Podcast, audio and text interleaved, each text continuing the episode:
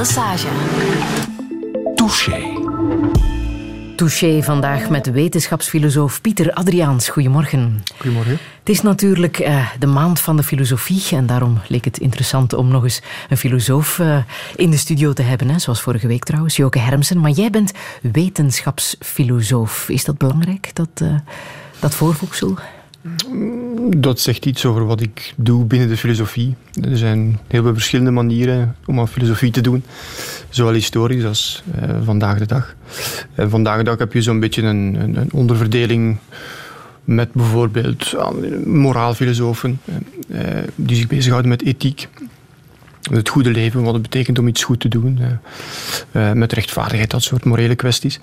Um, je hebt dan ook uh, epistemologen, mensen die zich met kennis bezighouden, wat kennis is. Uh, um, metafysici. Um, en je hebt dan wetenschapsfilosofen, dat zijn eigenlijk gewoon filosofen die zich zo wat bezighouden met wetenschap in de ruime zin van het woord.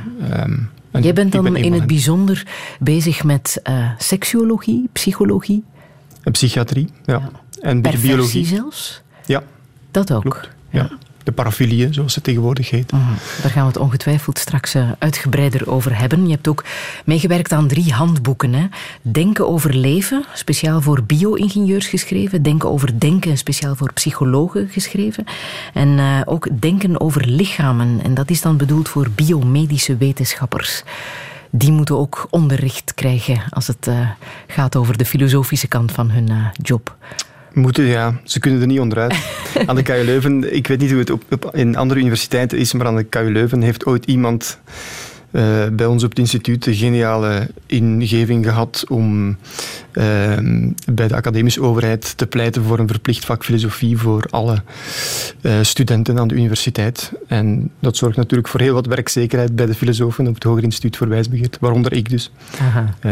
dat zorgt ook voor veel veel grote groepen. Uh, en het is voor die grote groepen dat ik uh, een aantal handboeken heb geschreven. Ja. Ja, ja. Hoe zou jij jezelf omschrijven? Uh, bedoel je als filosoof of als mens? Als mens. Als mens. wel, ehm, een zootje ongeregeld. een beetje van alles. ik zit vol met tegenstellingen, denk ik. ik ben natuurlijk filosoof, dus dan mag dat allemaal. Um, nonconformist, denk ik ook wel. Um, um, ja, ik ben zo wat angsthaas en levensgenieter. Um, ik ben, ja, zo, ik, cultiveer zo'n beetje de onwetendheid. Dat is een van de dingen waar ik graag, graag over spreek in mijn lessen filosofie. Het belang van onwetendheid, maar tegelijkertijd ben ik ook soms uh, redelijk autoritair. Um, spreek ik, betrap ik mezelf erop dat ik in uh, stelligheden spreek, terwijl ik daar eigenlijk een verschrikkelijke hekel aan heb. Maar goed. Ja. Je bent ook een filosoof die prijzen heeft gewonnen, hè? want dat kan als filosoof. Hè? De Maatschappijprijs heb je gewonnen voor uh, je werk over uh, homoseksualiteit. Daar gaan we het straks ook over hebben. Ja. Maar ook het Gouden Krijtje voor de grappigste prof. Jij bent dus de grappigste prof van Leuven. Officieel. Nee, dat is absoluut niet waar. Maar dat is eigenlijk een heel uh, grappig en een beetje dwaas verhaal aan verbonden. De, de, dat is uitgereikt door de VTK. Ja, die de jaarlijks, Technische Kring. Ja. ja. En ik gaf een aantal jaren les bij de uh, ingenieurs, de architect-ingenieurs meer bepaald. En die krijtjes die worden uitgereikt aan het begin van het tweede semester.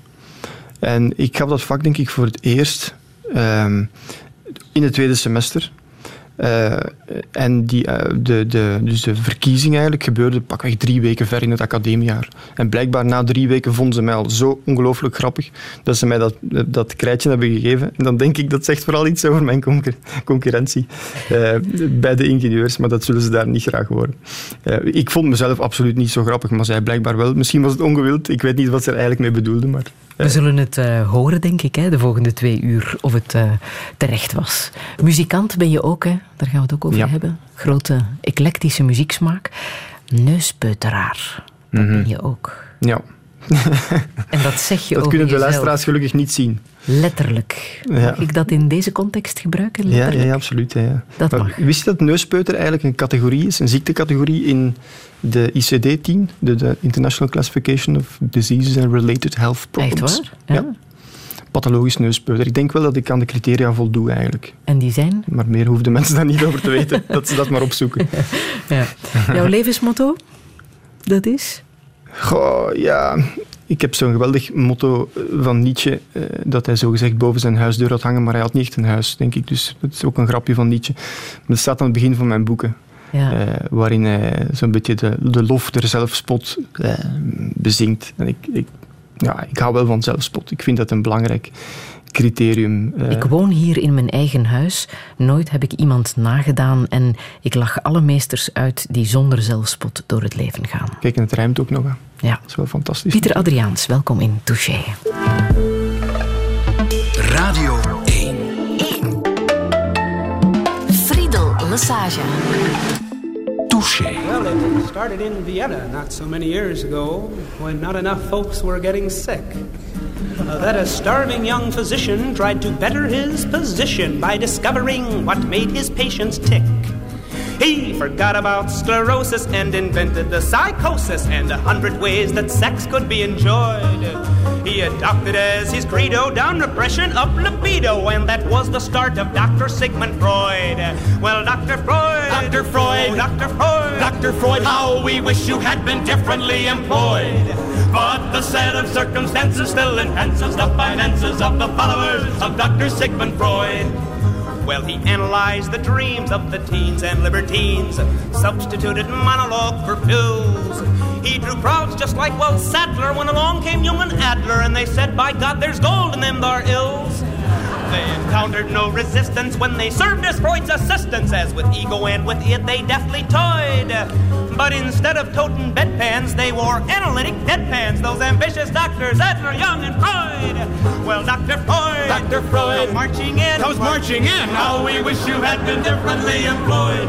But the set of circumstances still enhances the finances of the followers of Dr. Sigmund Freud. Have departed, but not so the cult they started. No, it's being carried on by a goodly band. And to trauma, shock, and war shock, someone's gone and added Rorschach, and the thing has got completely out of hand.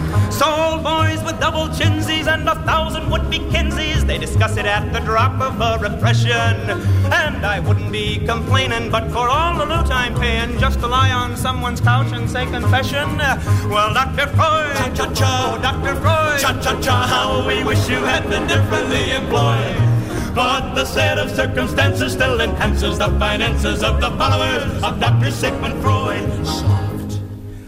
Soft. But the set of circumstances still enhances the finances.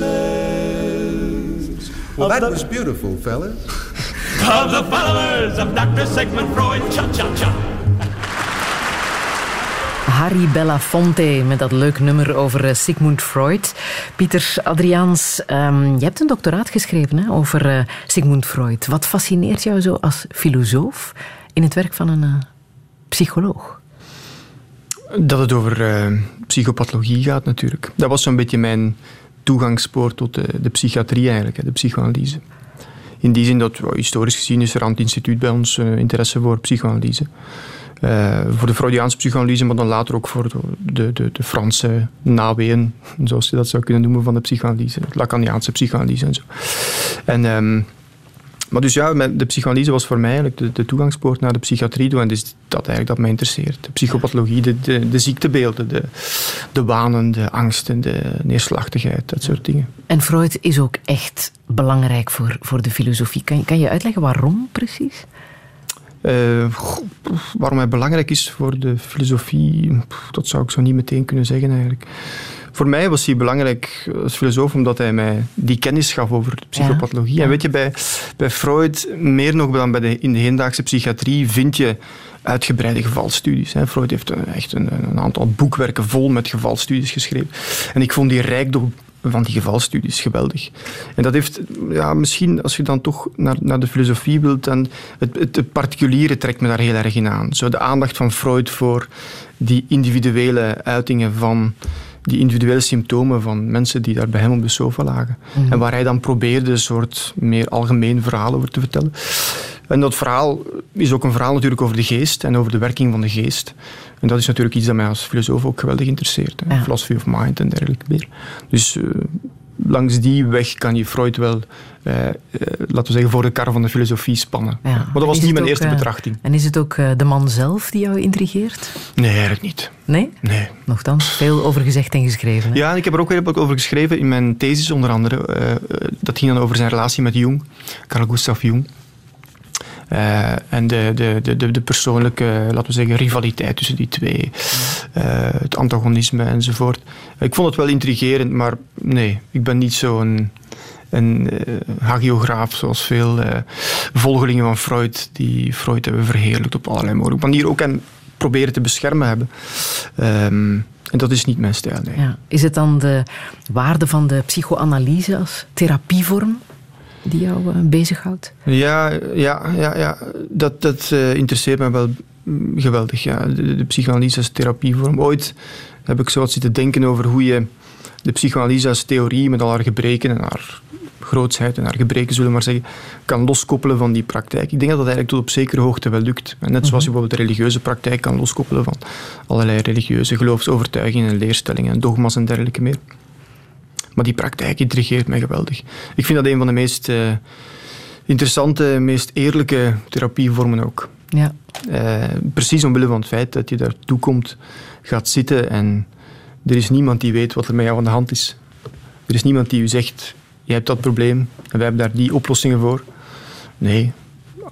Als dat al duidelijk wordt, dan is dat na weken, maanden, soms jaren vroeten, zoeken, knopen ontwarren. Ik moet altijd denken, als ik aan psychoanalyse denk, aan de psychoanalyse praktijk, aan zo dat moment met kerstmis waarop je de lampjes uit de doos haalt.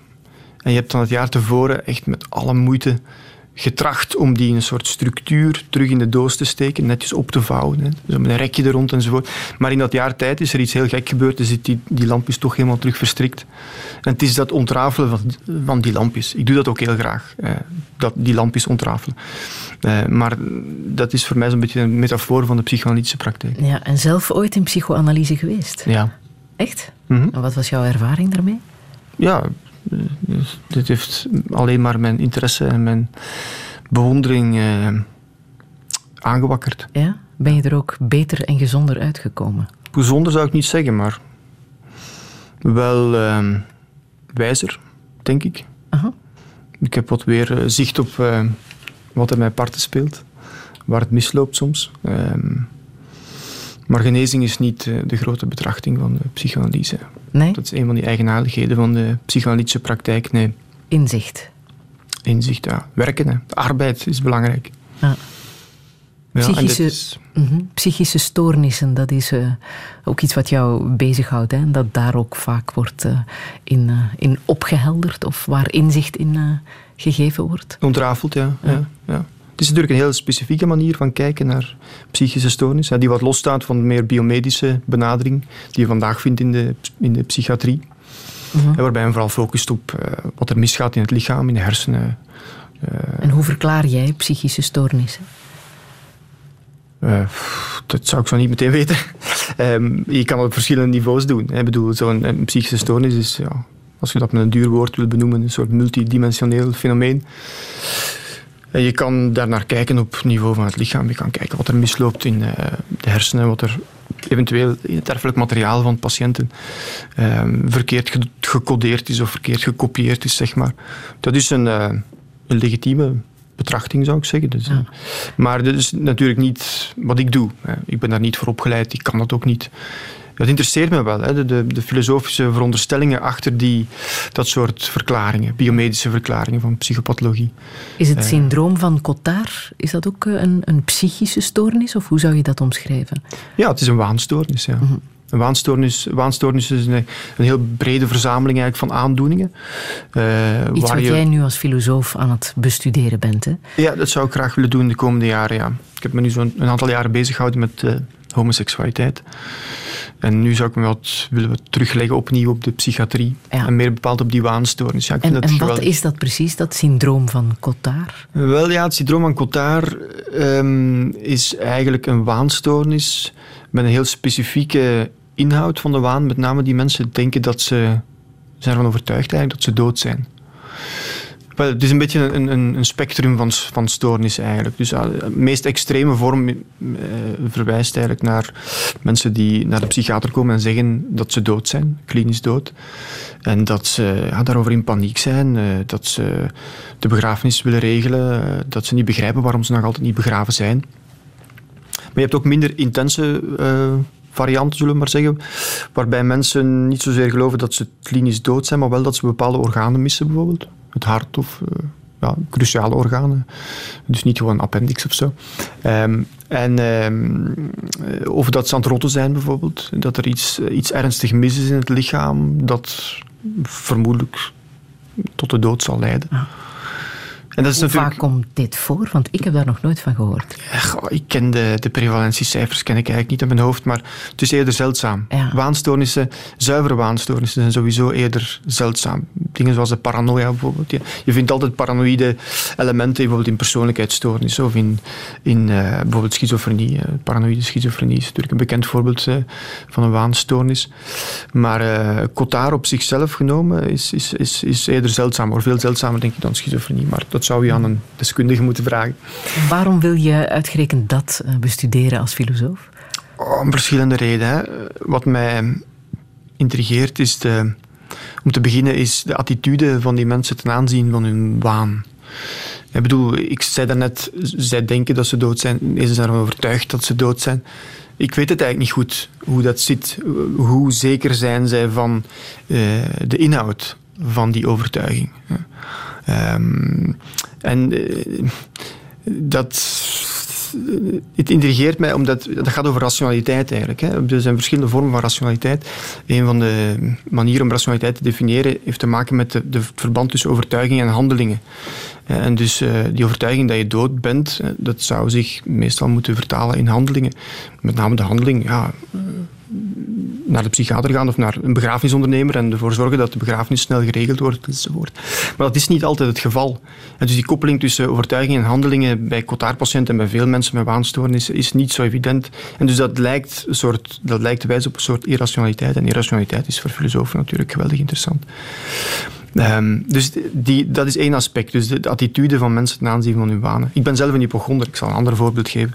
Uh, ik ben altijd bang dat ik ziek ga worden, of dat ik ziek ben, of dat ik een ernstige ziekte heb en dergelijke meer. En bij mij fluctueert, fluctueert het ook heel fel. Dus soms ben ik er echt van overtuigd hè, dat er iets mis is. En dat kan echt tot paniek leiden enzovoort. Maar soms gaat ook gewaar met een soort ironie. Hè, dat je zo naar jezelf kijkt en denkt van ah, hij is weer daar, hij denkt weer dat enzovoort, maar hij weet hij. En dit is een heel complexe relatie. Dus die verhouding van waanpatiënten tot hun waan. -hmm. En is het ook nuttig of nodig om zo'n psychische stoornis uh, te genezen? Is het nuttig? Ja, die, in de mate dat die mensen er hevig onder lijden, natuurlijk wel. Ja. Ja. Die waanstoornissen gaan heel vaak gepaard met, met paniek. Hè. Um, ja, bedoel, stel je voor dat je er echt van overtuigd bent dat je, dat je lichaam aan het rotten is of dat je je hart mist. Het is een ongelooflijke paniek die, die daarmee gepaard moet gaan. Want jij bijvoorbeeld, wil jij daarvan af, van je hypochondrie? Of denk je, ach, ach ik, heb dat ik ken opgegeven. mezelf ondertussen? Ik heb dat opgegeven. Het enige wat je kan doen is dat met een soort mildheid bekijken. En als, ja. als een soort compagnon de route uh, uh, beschouwen. Iemand die daar zit en die niet altijd gewenst is, maar die, ja, hij zit er nu eenmaal. Ja. Veel kan je er niet aan doen. Hitler was strenger hè, voor mensen met een uh, psychische aandoening. Die moesten eruit, die moesten uit de weg worden geruimd. Ook daar um, ben je heel erg door geïntrigeerd. Hè? Ja, dat vond ik ongelooflijk. Ja. Weet je, een van de dingen die mij intrigeert aan psychopathologie zijn de mensen die eraan lijden. En dus, zoals ik bijvoorbeeld daarnet beschreef, hè, hun, hun attitude ten aanzien van hun wanen. Uh, maar ook de, de moed van die mensen om, ondanks de miserie waarin ze zitten, die obsessies, die angsten, om toch verder te gaan, te willen gaan. Uh, verder te ploeteren. Zo, dat, uh, maar ook de weerloosheid van die mensen. Het is daar, dat ik, daarover wil ik nog iets zeggen. Um, die mensen ja, die, die kloppen bij de psychiater aan op zoek naar hulp. Het gaat niet meer. Help mij. Doe iets. Laat mij opnemen. En um, die mensen waren er ook in de aanloop naar de Tweede Wereldoorlog. En die mensen zijn gewoon genadeloos uh, afgeslacht eigenlijk. Ondanks hun weerloosheid. Ik, ik, snap dat niet. Ik snap niet dat je dat kan. Het, was niet alleen, het waren niet alleen psychiatrische patiënten, het waren ook gehandicapte kinderen en, Ja. en getraumatiseerde eh, soldaten, burgers enzovoort. En Mensen die niet fit geacht werden eh, om deel te nemen aan, aan die machine. Ja, ik vind dat verschrikkelijk, ja. Ik heb daar het een en ander over geschreven, omdat ik dat, ik wou, dat, ik wou daar meer over weten. Ik wou weten wat er daar, wat er daar speelde. Ja.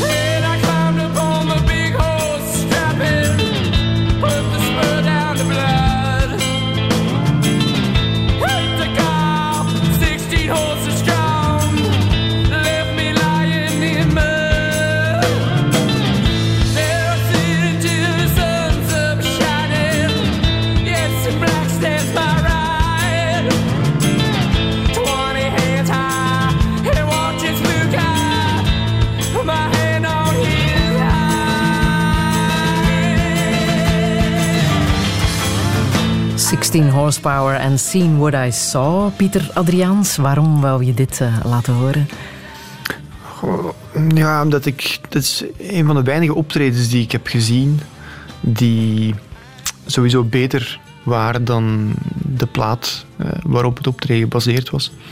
Eh, dat komt niet zo vaak al, voor. Ja, dat is lang geleden. Het is van de jaren, halverwege jaren 90, denk ik, 96 of zo. Ik ben maar één keer op Pukkelpop geweest en toen heb ik hen gezien en het was fenomenaal. Ja. echt fenomenaal, die overgave, de, het bezwerende van die man, het... ehm, ja, het, soort, echt, het is een beetje missionarisch, hè? Ja. In een soort eh, trance ook. Eh, ja, ik vond het geweldig. Midden jaren 90 was jij eh, student, hè? Nee, ja, dat was ik ja, de laatste jaren van middelbaar of zo, denk ik. Hè? Ja, ja. Zoiets, hè. Wat voor kerel was jij toen? Poeh. Ja, ik was veel bezig met, eh, met literatuur wel in die tijd, zo de laatste jaren van mijn middelbare school. Met muziek ook. Ehm, ja, ik was nog zo'n beetje vervuld van een soort romantiek, zo'n Ja. stoermoedrang. Eh, er zat nog veel, veel onrust in. Zo. Een Ja. beetje niet gekanaliseerde onrust. Het ging nog zo'n beetje alle kanten op. Ja. Als ik daarop terug, als ik daar aan terugdenk. In hoeverre ben jij het kind van je ouders? Eh, goh, ja, dat is een moeilijke vraag. Ik, ik, lijk, ik lijk op mm, mijn beide ouders. Ik heb eh, heel veel overgenomen van mijn beide ouders. Dingen die ik, waar ik tevreden mee ben en dingen waar ik minder tevreden mee ben, die ik graag anders had gewild. Zoals? Als je kinderen hebt, dan, dan merk je soms, eh, als je zeker als je zoiets aan het zeggen bent, dan merk je eigenlijk dat, allee, of hoor je eigenlijk opnieuw je, je vader of je moeder spreken tegen jou. Dingen waar je je dan vroeger aan ergerde. Ehm, maar goed, ik, ben tevreden met, eh, met wat ik heb Wat hebben ze jou gekregen. meegegeven? Als je naar jezelf kijkt.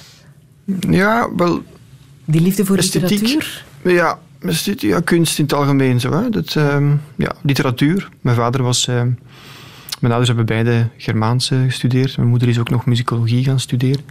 Mijn vader heeft dan gedoctoreerd eh, over Nederlandse literatuur. Maurice Williams. Ik heb veel van die ja, Nederlandse auteurs graag, graag gelezen. Bordewijk onder andere, Gilliams ook. Eh, Reven natuurlijk. Ehm, dus dat, eh, ja, literatuur heb ik zeker meegekregen. Ik las ook heel graag, eh, zeker in de laatste jaren van het middelbaar. Het heeft een tijdje geduurd voor ik de smaak te pakken had, maar dan ben ik wel meteen vertrokken. En waar hield je jezelf mee bezig als jonge kerel? Behalve dan muziek maken bijvoorbeeld. Maar... Schreef je Ehm, zelf ook? ja, je schreef, ambities als ja. schrijver? Ja, niet echt. Later, dat is pas later gekomen. Maar ik denk niet dat ik die ambitie, ambitie ooit ga kunnen eh, vervullen. Eh, maar ik schreef heel graag brieven. Brieven? Ik vond dat een geweldige... Ja, met de hand zo. Ja. Ik, Ja? schreef, eh, ik had zo'n paar mensen waar ik brieven mee schreef. Mensen die eigenlijk helemaal niet ver. Het was helemaal niet nodig om de brieven aan te schrijven. maar ik deed het niettemin heel erg graag. Ja. Ja. En waarover dan? Over het leven? Ja. Zat er toen al een filosoof in jou? Een beetje, ja. ja. Ik wou wel graag filosoof zijn. Ik helaas een beetje op een slechte manier, denk ik. Zo'n beetje een hang naar, naar diepzinnigheid die ik nu eigenlijk verafschuw in de filosofie. En die ik eigenlijk altijd heb verafschuwd. Het is een beetje die, die romantische... eh, romantische hang naar, naar diepzinnigheid en, en, en, en, en getor- het getormenteerde zo. Dat zat heel erg in die brieven, denk ik. Ja. Je bent opgegroeid zonder televisie. Waarom is het noemenswaardig om dat eh, te zeggen? Ja, omdat me dat geweldig veel eh, tijd heeft. Dat het geweldig veel tijd heeft vrijgemaakt eigenlijk. De tijd die ik niet voor de televisie zat, had ik vrij om eh, te besteden aan dingen die ik eh, aanvankelijk moest doen, hè, zoals muziekschool en dergelijke meer, maar die ik eh, na verloop van tijd wel heel erg graag ben gaan doen. En muziek eh, spelen, muziek Aha. maken. Orgel spelen zelfs. Ja, tot en met orgel in de kerk zelfs. Ja. Ah, Ja, ik deed dat eigenlijk wel graag. We hadden zo'n beetje een antiek koortje van oude zusters, die zongen heel vals. Die zaten dan met z'n drieën van voor in de kerk en er zaten nog zeven anderen achter hen. En ik mocht dan, eh, hoe heet dat zo, in, de, in het koor, hè, van achter in de kerk. eh, het was een mooi, mooi orgel. En ik kon dan ja, zo'n beetje begeleiden. En, tijdens, de, tijdens de pauzes kon ik dan zo wat mijn ding doen. Hè. Ja. Mijn, mijn eigen liedjes eh, spelen. Enfin, de dingen die ik had geleerd op de muziekschool en dergelijke meer. maar het klinkt allemaal als een normale jeugd. Hè? Ja, eigenlijk wel. Ja, Ja. absoluut. Behalve misschien die ene gebeurtenis toen een vriendje van jou uit de lagere school, dacht ik. Ja, ja, in het vierde studiejaar was er een jongen in mijn klas eh, die in de paasvakantie verdwenen was. Eh, Hij was op vakantie in eh, Zuid-Frankrijk met zijn ouders. Joris heette die jongen, Joris Vivil. En ehm, eh, die was verdwenen. En pas weken later is hij teruggevonden, dood. Vermoord, eh, verkracht ook, later, bleek later ehm, door een van die seriemoordenaars die toen de tijd actief waren in eh, Frankrijk. Ik ben zijn naam al vergeten eigenlijk. Ja, en was, eh, was ontzettend natuurlijk. Het was verschrikkelijk. Ehm, wij ook als negenjarige kinderen, tienjarige kinderen, we konden dat ook zomaar nauwelijks bevatten. Ik herinner me wel dat seksuele aspect, dat is me wel altijd blijven bezighouden. Van waarom heeft die man dat ook nog gedaan? Waarom was niet genoeg om die jongen te vermoorden of te wurgen of wat dan ook? Ik vond dat, ik vond dat verschrikkelijk. Dat, ja. En ook, als ik daarop terugdenk, schaam ik me ook diep, want ik weet dat die jongen begraven werd, eind april waarschijnlijk toen. En het was dat weekend ook, was er een soort eh, scoutsweekend. Of een dagtrip of zo, weet ik veel. We gingen op, en ehm, dat was op zaterdag en de begrafenis was ook op zaterdag. En er was gezegd de week ervoor dat er cola zou worden gedronken op de dagtrip. Dus ik keek er enorm naar uit. En mijn moeder heeft me echt moeten overtuigen eh, om naar de viering te gaan. En niet naar die dagtrip. En dat was eigenlijk ongelooflijk achteraf bezien. Dat het, maar ja, goed, ik was tien jaar, ik kon dat niet, ik kon dat niet weten. En dat dat een onbenulligheid was. En ik herinner me tijdens die viering ook wel dat ik echt aangedaan was. Ja, dat, die, dat heeft me wat... Ik weet, ik weet ook niet, je weet dat niet, hè, hoeveel effect die gebeurtenissen hebben op het verdere verloop van je leven. Maar het is een soort... Ja, ik denk soms dat er een soort rusteloosheid zit dat, eh, die daar mee te maken heeft. Ja. Met die gebeurtenissen. ja. En kon je daar als kind ook eh, over praten toen? Kon je met je vragen ergens naartoe? Er was niet, niet zo'n uitgebreide psychologische begeleiding zoals dat nu zou gebeuren, denk ik. We zaten halverwege jaren 90. Dat Dutroux-tijdperk was nog niet uh, gepasseerd. Ik weet dat we zo... Ja, we branden een kaarsje en we spraken erover met de juf, denk ik. Mm -hmm. Maar er werd geen bijzondere begeleiding voorzien. Was je zelf bang? Dat het jou kon overkomen? Dat, dat weet ik eigenlijk niet meer. Vermoedelijk wel, ja. Maar ik was eigenlijk al lang bezig met de dood en zo. Ik, was er, ik had dat, dat besef dat iedereen op een bepaald moment heeft. Want het is hier ooit gedaan. Toen, als jongetje van negen? Ik had het al als acht, ja? op mijn acht jaar. Ik ja? weet ook nog waar ik was. Ik was van achter in de tuin aan het rondlopen en ik besefte dat plots van, verdorie, dat gaat hier ooit gedaan zijn. Dus dat was eigenlijk al te voor Joris uh, stierf. Ja. Dat zal ongetwijfeld aangewakkerd zijn door die mm. gebeurtenis, ja. Mm.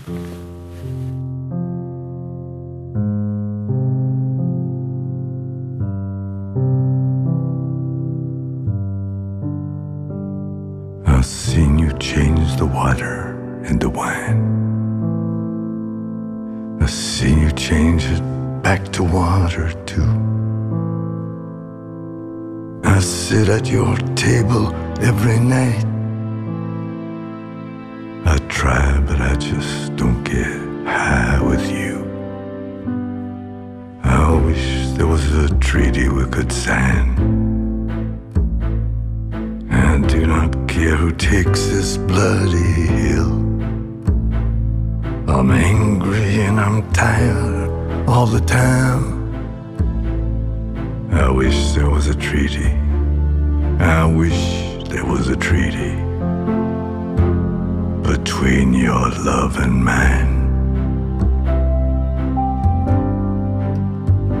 Ah, they're dancing in the street, it's Jubilee.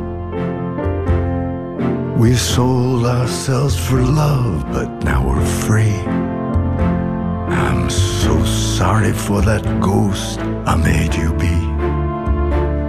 Only one of us was real,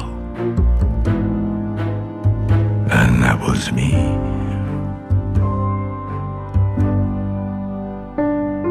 I haven't said a word since you've been gone. That any liar couldn't say as well. I just can't believe the static coming on. You were my ground, my safe and sound. You were my Ariel. All the fields are crying out, it's Jubilee. We sold ourselves for love, but now we're free. I'm so sorry for that ghost I made you be. Only one of us was real,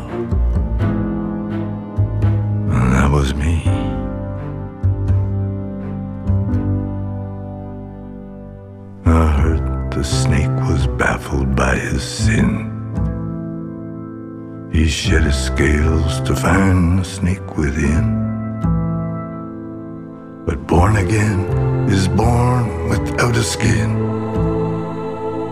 The poison enters into everything. And I wish there was a treaty we could sign. And do not care who takes this bloody hill. I'm angry and I'm tired all the time. I wish there was a treaty. Was a treaty between your love and mine.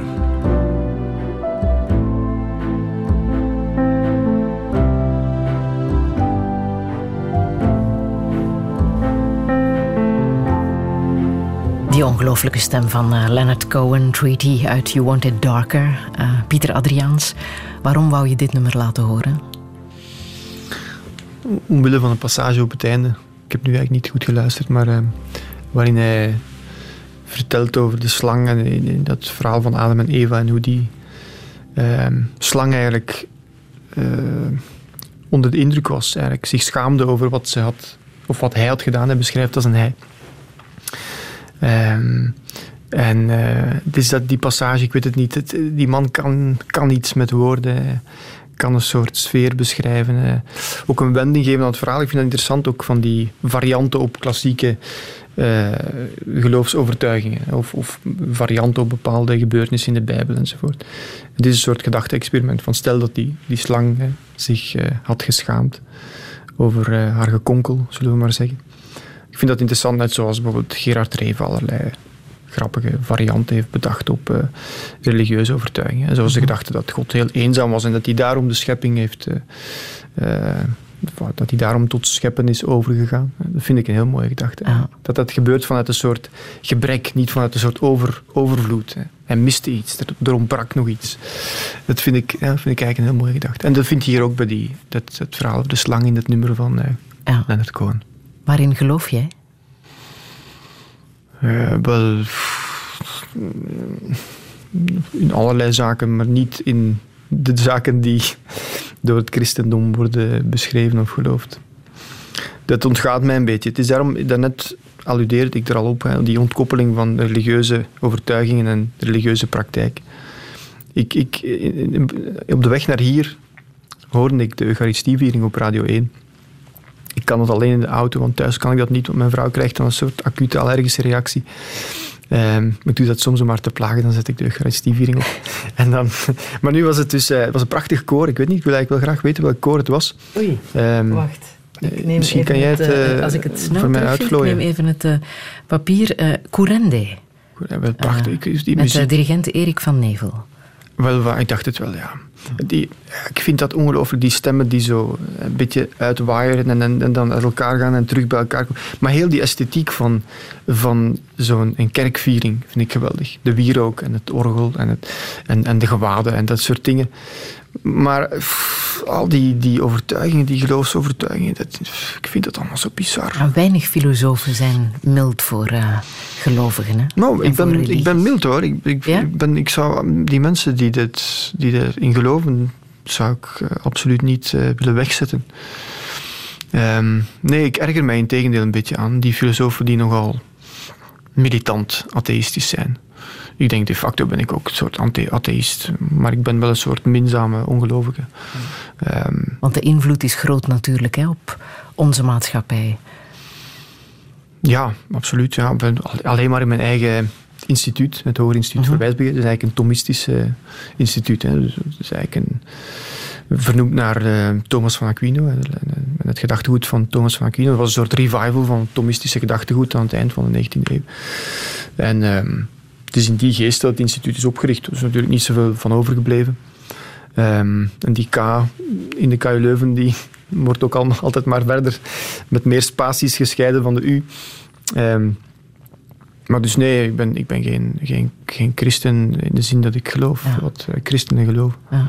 Maar bijvoorbeeld in jouw eh, filosofisch onderzoek naar homoseksualiteit, daarin beschrijf je ook hoe eh, bepalend religie is in eh, de acceptatie van eh, homoseksualiteit. Hè. Daar waar religie echt nog heel erg sterk aanwezig is, is homoseksualiteit eh, veel minder aanvaard. Absoluut. En dat, natuurlijk, dat is een soort associatie. En mensen zien daar een soort oorzakelijke band in. Dat is natuurlijk niet per se het geval. Ik bedoel daarmee, het is inderdaad zo dat veel religies zich heel negatief hebben uitgelaten over homoseksualiteit. Dat kan je moeilijk ontkennen. Maar die religies zijn natuurlijk ook maar verzamelingen van allerlei stellingen, overtuigingen die door mensen bij elkaar gepend zijn en die dus zelf ook niet geweldig ingenomen waren voor homoseksualiteit. Dus ik bedoel maar, religie is een soort weerspiegeling van een soort maatschappelijke, maatschappelijk onbehagen eigenlijk, als het gaat over eh, niet-traditionele seksuele geaardheden, zullen we maar zeggen. Dat geldt dan voor homoseksualiteit, maar je voelt voor pedofilie en fetischisme en al die andere eh, dingen die men vroeger seksuele perversies noemde. Ehm, Maar hoe komt het dat jij als filosoof homoseksualiteit wou bestuderen? Daar bestaan al ontzettend veel wetenschappelijke studies over. Hè? Waarom nog die filosofische blik? Ja, omdat er. Wat mij vooral interesseert is wetenschappelijk werk over homoseksualiteit. Ik heb ook wel een beetje geschreven over eh, religie en homoseksualiteit, maar zoals ik zei, ik denk dat, dat religie ook maar een soort weerspiegeling is van het denken van bepaalde mensen op een bepaald moment. Dus dat is niet zo... Ik vind die band niet zo interessant. Ehm, maar wetenschap en homoseksualiteit, dat interesseert me geweldig, omdat er is heel veel wetenschappelijk onderzoek over homoseksualiteit. En dat wordt gevoerd vanuit bepaalde veronderstellingen. En het zijn die veronderstellingen die mij interesseren. Uh, er zitten volgens mij heel veel foute veronderstellingen in dat wetenschappelijk onderzoek over homoseksualiteit. En het zijn die veronderstellingen die we hebben willen blootleggen in ja, het boek. Namelijk?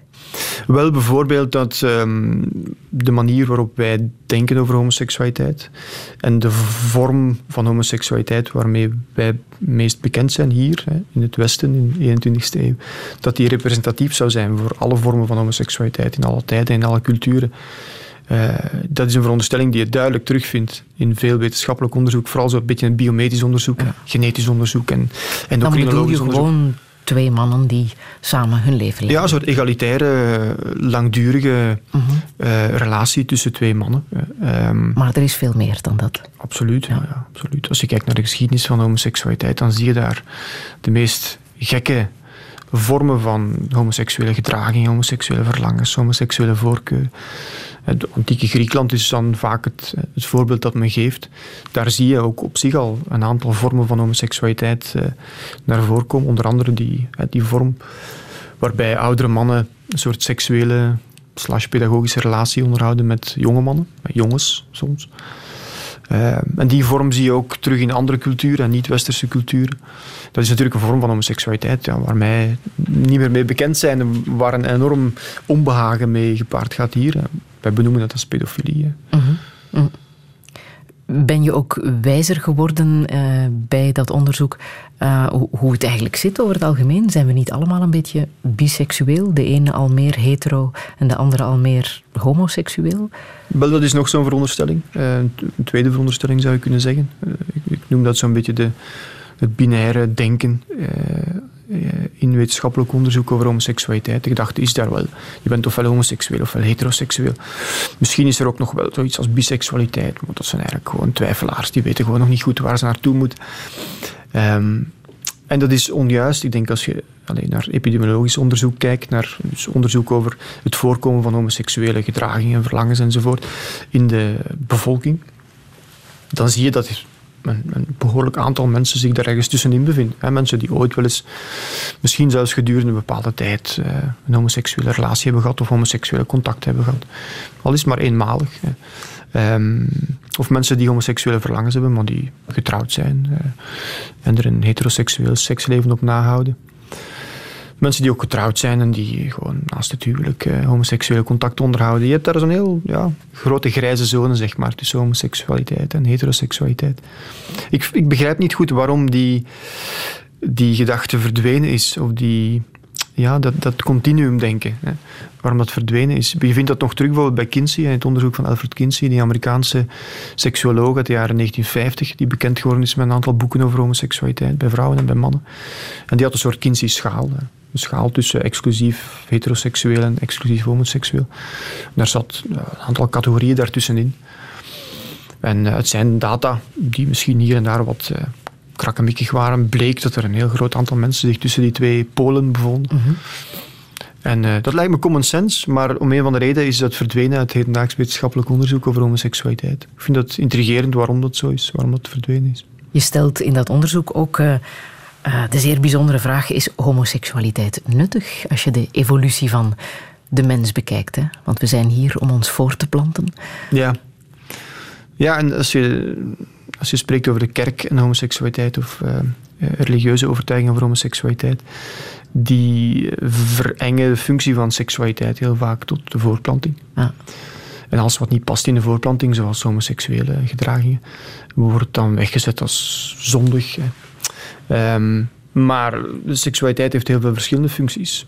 Dat blijkt als je ook maar enig bekendheid hebt met uh, uh, het seksueel leven van mens, apen en dergelijke meer. Seks vervult daar heel veel verschillende functies. Al is het maar rust brengen, bijvoorbeeld in een gemeenschap. Uh, maar ook allianties smeden.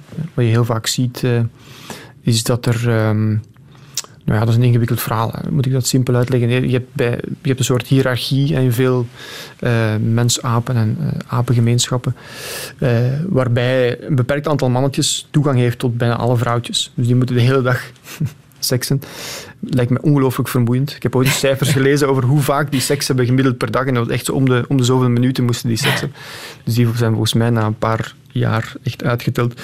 Ehm, maar hoe dan ook, dus in de, in de marge lopen er dan een aantal natuurlijk heel geile eh, mannetjes rond die geen toegang hebben tot die vrouwtjes. En wat je dan heel vaak ziet, is dat die allianties gaan smeden. En in die allianties spelen homoseksuele gedragingen, eh, zoals masturbatie en fellatio enzovoort, spelen daar een rol. Ehm, en daar is natuurlijk de functie inderdaad helemaal niet de voorplanting, maar gewoon het bekrachtigen van, van banden tussen, tussen mensen. Ja. Maar het bevestigt ook dat aanvaarding het enige is wat, eh, wat ons rest. Hè. Absoluut. En dat zal wel komen. Dat Ja. komt wel. Ja. Het zal af en toe met wat eh, stuiptrekkingen gepaard gaan, maar vroeg of laat komt het er wel.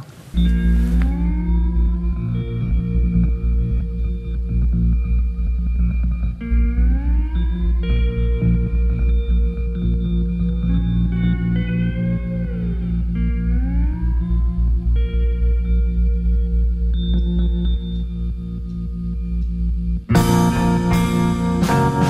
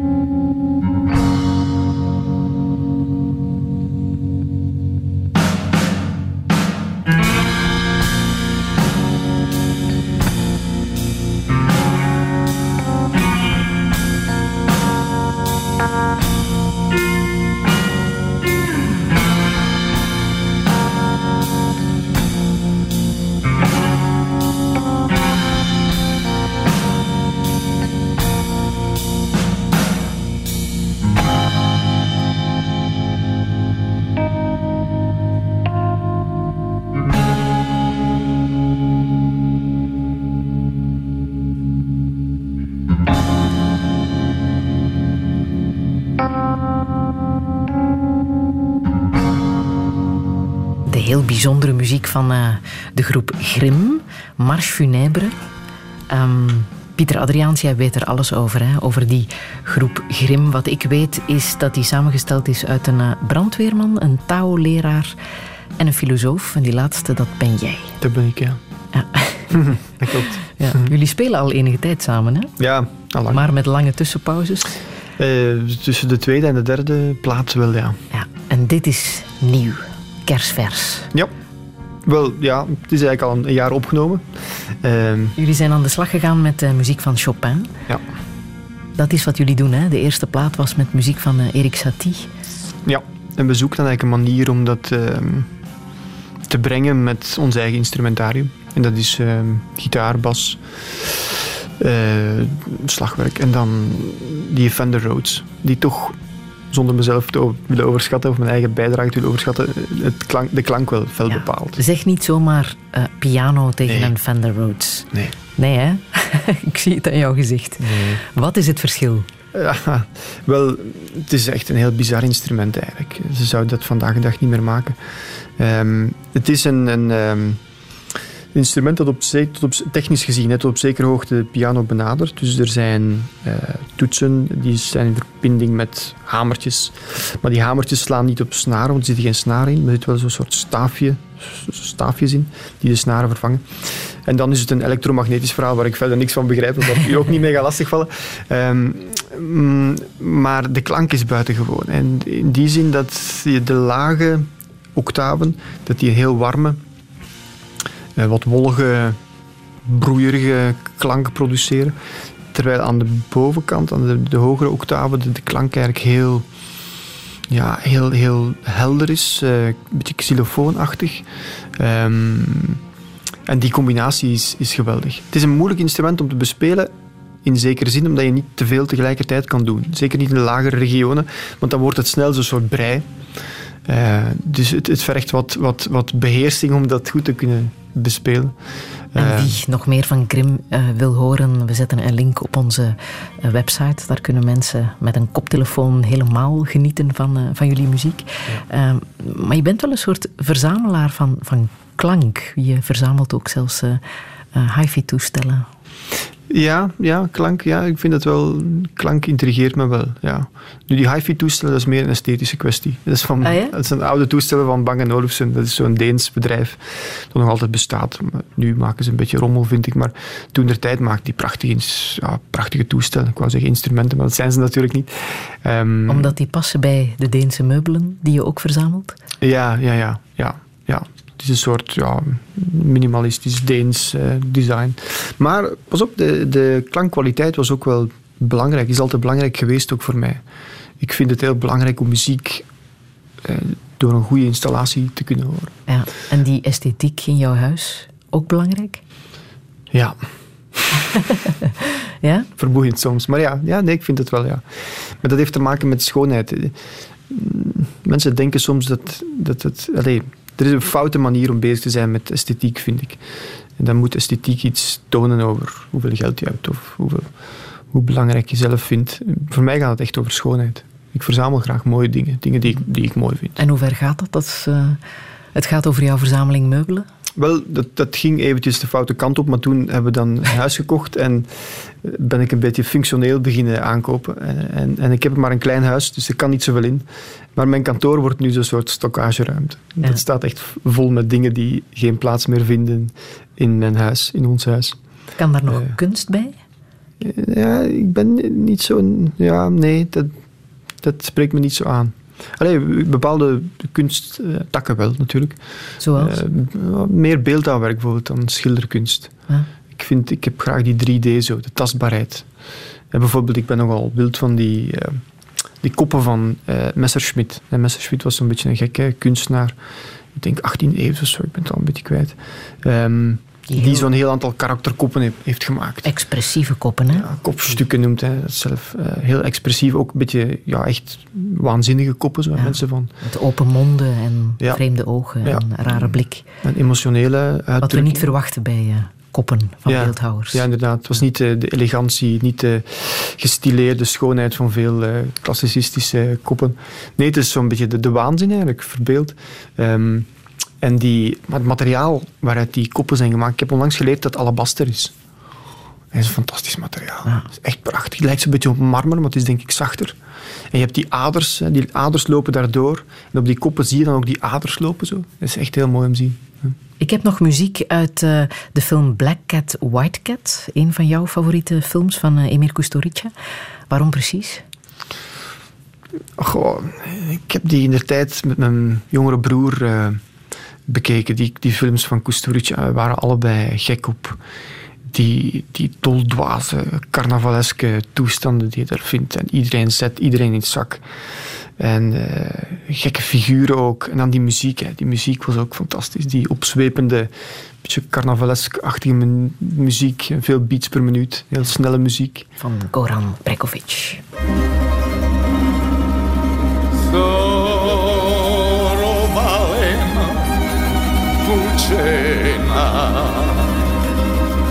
Puba mara sose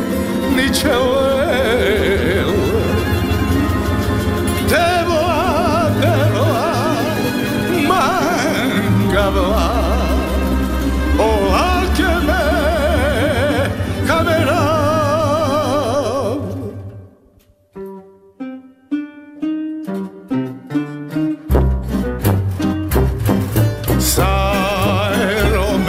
Pučela, u se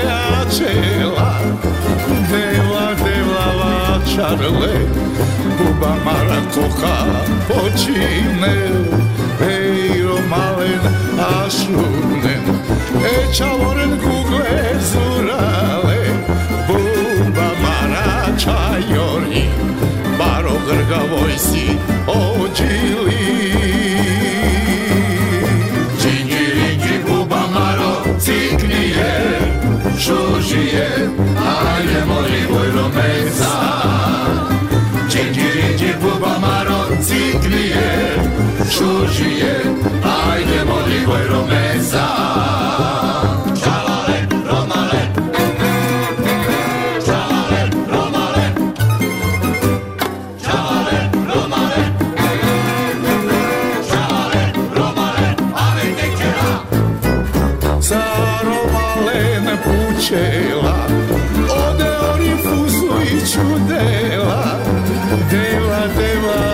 De muziek van Goran Bregovic hoort bij de film Black Cat, White Cat. Radio 1. Friedel Lassage. Touché. Vandaag met wetenschapsfilosoof Pieter Adriaans. Met hem vieren we de maand van de filosofie en denken we na wat het nut is van denken. Zo schreef hij mee aan drie boeken. Denken over leven, speciaal voor bio-ingenieurs. Denken over lichamen, voor biomedische wetenschappers. En denken over denken, voor psychologen. Dat hij filosoof is geworden heeft allicht veel te maken met de hoeveelheid boeken en kunst waarmee hij is opgegroeid. Dat hij ook nog eens tot grappigste prof van de KU Leuven is verkozen, heeft allicht te maken met zijn zelfrelativering. Wie zijn we? Wat doen we hier? En wat is de zin van dit leven? Laten we daar nog eens even over hebben. In Touché met Pieter Adriaans. compris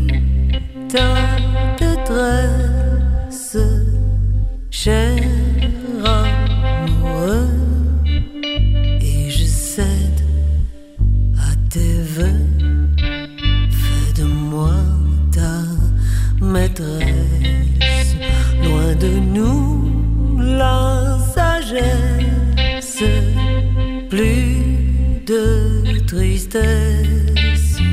J'aspire à l'instant précieux où nous serons heureux. Je te veux. Je n'ai pas de regrets et je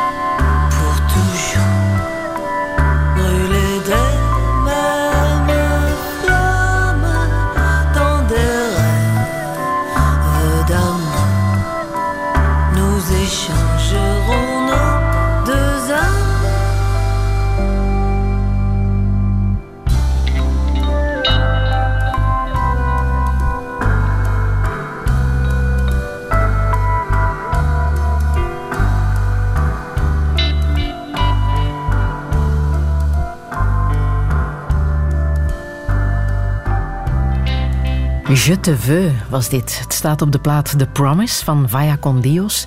En wat weinig mensen weten is dat de band die hier op de achtergrond speelt, jouw band is, hè? Pieter Adriaans Grim.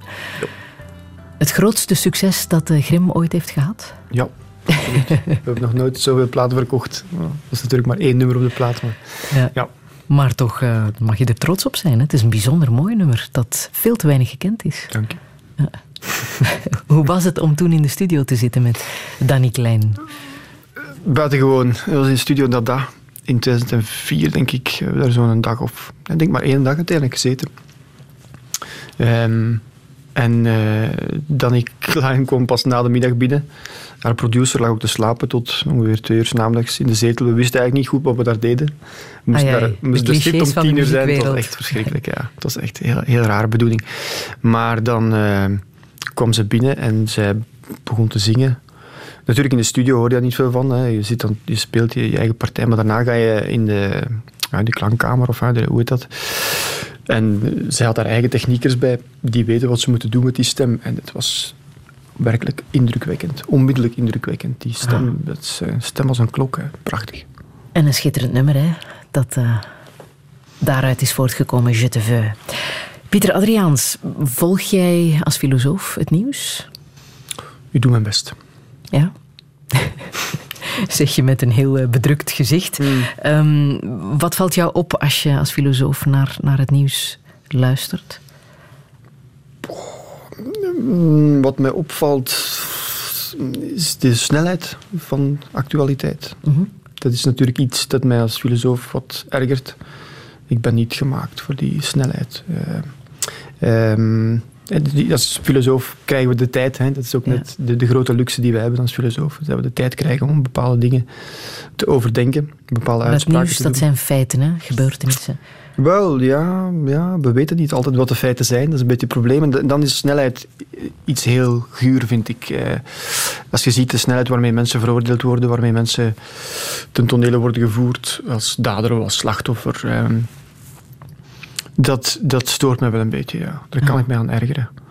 Ehm, en vooral die hang naar, om het een beetje te overdrijven, de standrechtelijke executies, eh, dat zint mij absoluut niet. Ik vind, eh, je moet altijd, ja, moet altijd ten eerste te weten komen wat de feiten zijn. Dat duurt vaak een tijdje. Dus dat, het ergert mij ook dat er allerlei informatie wordt uitgelekt eh, die losvast samenhangt met de feiten. Dat de feiten pas na een tijdje verschijnen.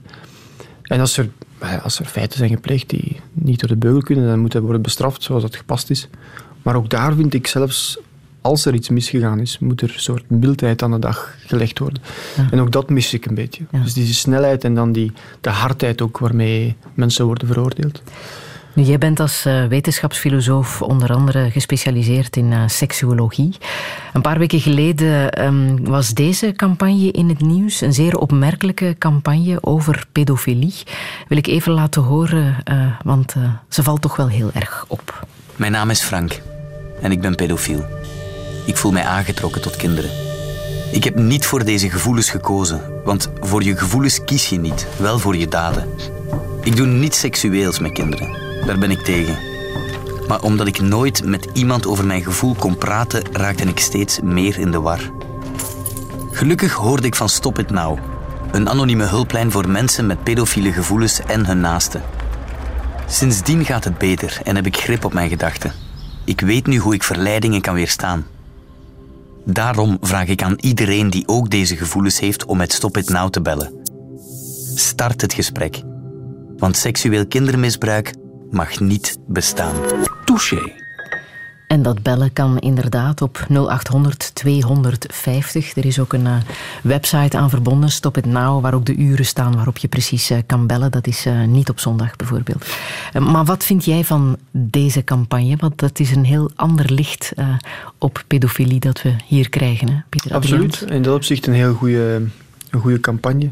Weet je, pedofilie wordt vaak verengd tot kindermisbruik. Dat zijn natuurlijk de pedofiel- pedofielen die eh, een groot deel van de aandacht krijgen hè, wanneer ze kinderen hebben misbruikt eh, of zelfs vermoord.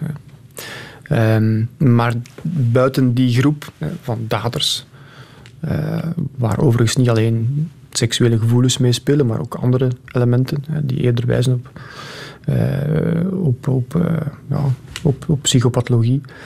Naast die kleine groep dus heb je nog een grote groep van een grote groep, een relatief grote groep van, van mannen die inderdaad seksuele fantasieën, seksuele gevoelens, zoals hier gezegd wordt, hebben voor eh, kinderen, maar die daar niet naar handelen. Eh, dat gaat ook. Mensen vergeten dat soms wel eens, maar je kan gevoelens hebben waar je niet naar handelt. Hè. Iedereen die al eens verliefd is geweest op de buurvrouw of de buurman, die weet dat. Ja, en net omdat pedofilie zo gestigmatiseerd is, zullen net die mensen misschien eh, zich heel erg geremd voelen om daarover te praten. Dus Absoluut, ja. Zo'n campagne als deze wel erg nuttig. Ik las trouwens dat meer dan 300 mensen op één jaar tijd eh, effectief ehm, hebben gebeld naar dat nummer. Dat is één per dag, dat is veel. Hè? Ja, maar je je zou er echt van versteld staan van de cijfers over het voorkomen van pedofiele fantasieën en, en eh, eh, gevoelens eh, in de brede bevolking. Ik heb daar onlangs een keer een onderzoek over gelezen. Ik viel echt van mijn stoel.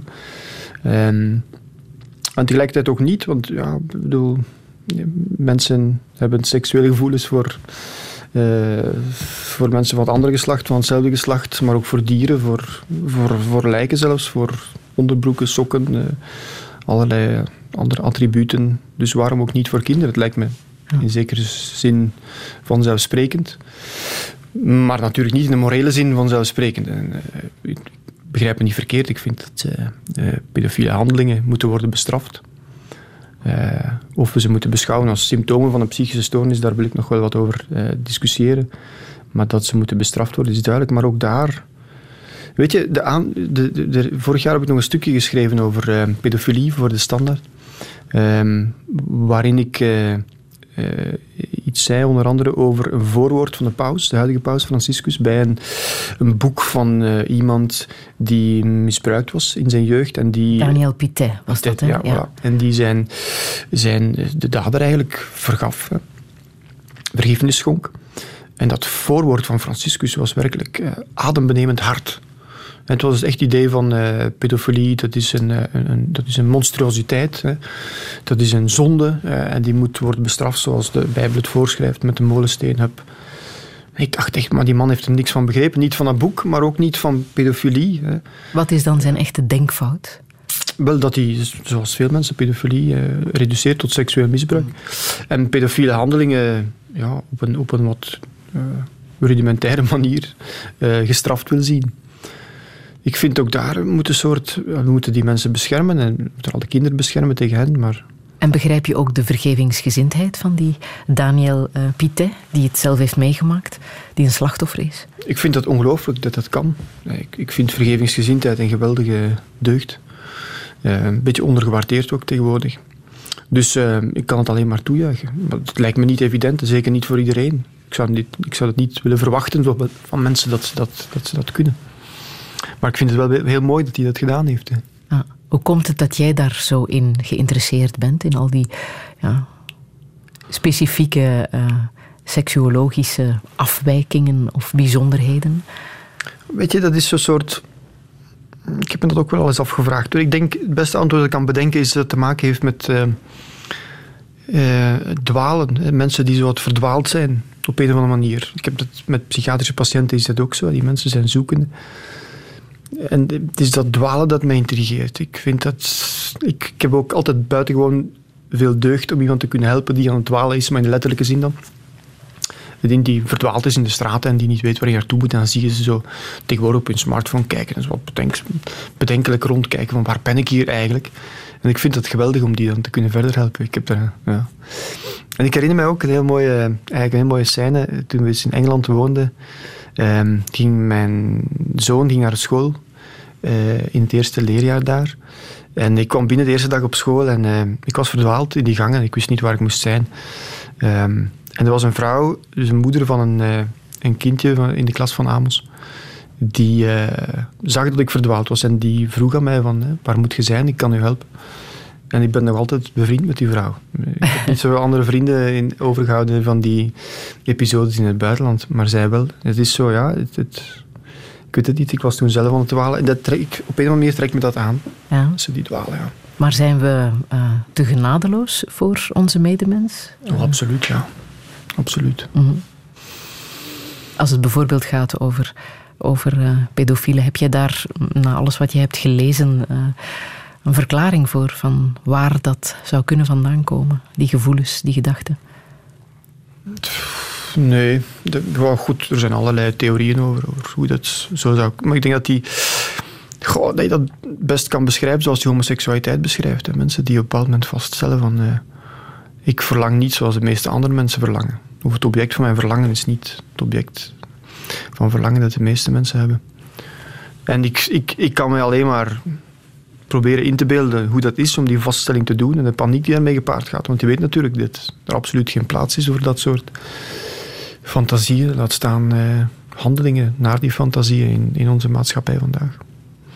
En ik kan me alleen maar inbeelden dat het verschrikkelijk moet zijn. Ah. Eh, Is dat, ook de reden waarom je eh, Dylan Thomas hebt gelezen? En de Milkwood? Veel referenties naar seksuologie, naar eh Ah, seks, in, seks in het algemeen interesseert mij geweldig. Ja. Ik praat ook heel graag over seks. Ehm, ja, ja, du- dus dat, dat past daar ook wel in. Het is een soort in- ja, interesse in seks in het algemeen. Maar je zegt, daar- ik praat heel graag over seks. Hoe makkelijk is dat? Voor mij is het redelijk makkelijk. Maar ik, Omdat eh, jouw omgeving dat weet. Ja, maar ik, zit een beetje in een beschutte werkplaats. Hè, weet je? Een beschutte werkplaats voor intellectuelen. Als filosoof Daar aan de KU veel, Leuven. ja, voilà. Hm. Eh, Katholieke Universiteit. Katholieke Universiteit Leuven. Maar dat wordt... Ja, dat, Maar is het, ja, is het nooit, eh, iets wat wij te veel onderdrukken? Dat, dat praten over seksualiteit? Het is nog altijd een enorm taboe, hè? Het is geen eh, tafelgesprek. Nee, dat is waar. bij het Eh, ontbijt. Een eerlijk gesprek is moeilijk in ieder geval over seks. hè. Mensen pakken wel graag uit. hè, Of maken graag grapjes over seksualiteit. Ik ook trouwens. eh. Maar ehm, zo'n eerlijk gesprek, zeker als het gaat over pedofilie en dergelijke, als je mensen ook maar de mogelijkheid voorhoudt dat, dat je een- een mild oordeel hebt over eh, pedofielen, dat, dat gaat er bij veel mensen niet in. Mhm. Ja, ik vind het een beetje de plicht van, van filosofen om die eerste intuïtieve, spontane reacties eh, op bepaalde fenomenen, om die wat in te tomen. En eerst wat klaarheid te brengen in wat, wat, waarover het juist gaat, wat dat fenomeen juist inhoudt enzovoort. En dan op een gepaste manier te reageren. Want het vraagt tijd, hè. Ja. En durven praten over seksualiteit. En durven, ja. ja, ja. Maar ik doe, het, ja, ik doe dat met veel plezier. Ik heb altijd zo, ik heb zo één... eh, Hoe breek jij de gesprekken open als je het daarover wil hebben? Ja, het- gewoon eh, zeggen waar het over gaat. Mensen waarderen dat wel. Ik bedoel, je moet geen noodloze eufemisme bedenken of geen moeilijke termen of het niet noodloos abstract maken. Ja, het gaat over mensen die, ja, die seks hebben, die in bed duiken, die ja, een andere vleeselijke daad begaan. Is, ik vind, voor mij vraagt dat niet veel moeite, maar goed, iedereen is anders daarin.